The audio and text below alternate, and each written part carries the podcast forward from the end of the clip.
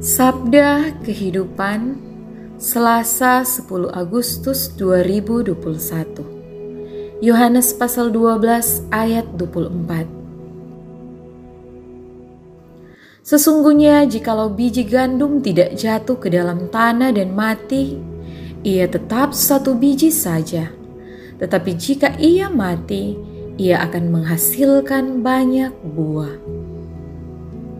Di tengah berita duka yang silih berganti kita dengar, meninggalnya saudara, sahabat, keluarga, orang-orang tercinta dari hidup di dunia ini, sabda Yesus kiranya menjadi penyejuk jiwa, memberi makna terdalam arti kematian dalam Tuhan.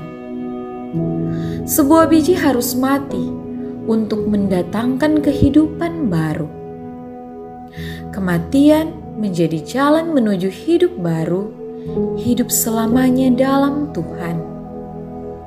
Kata Paulus, sebab tidak ada seorang pun di antara kita yang hidup untuk dirinya sendiri, dan tidak ada seorang pun yang mati untuk dirinya sendiri. Sebab jika kita hidup, kita hidup untuk Tuhan dan jika kita mati, kita mati untuk Tuhan.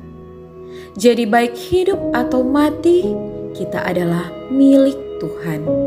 Roma pasal 14 ayat 7 sampai 8. Mari melanjutkan perjalanan hidup kita untuk mengabdi Tuhan, hidup baginya, berserah diri padanya, dan terus hidup bagi sesama.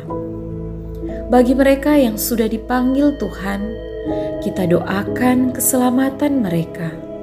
Semoga mereka beristirahat dalam kerahiman Tuhan bersama Allah Bapa selamanya di surga. Semangat Selasa, optimis menjalani hidup penuh makna. Pastor Revitano PR thank you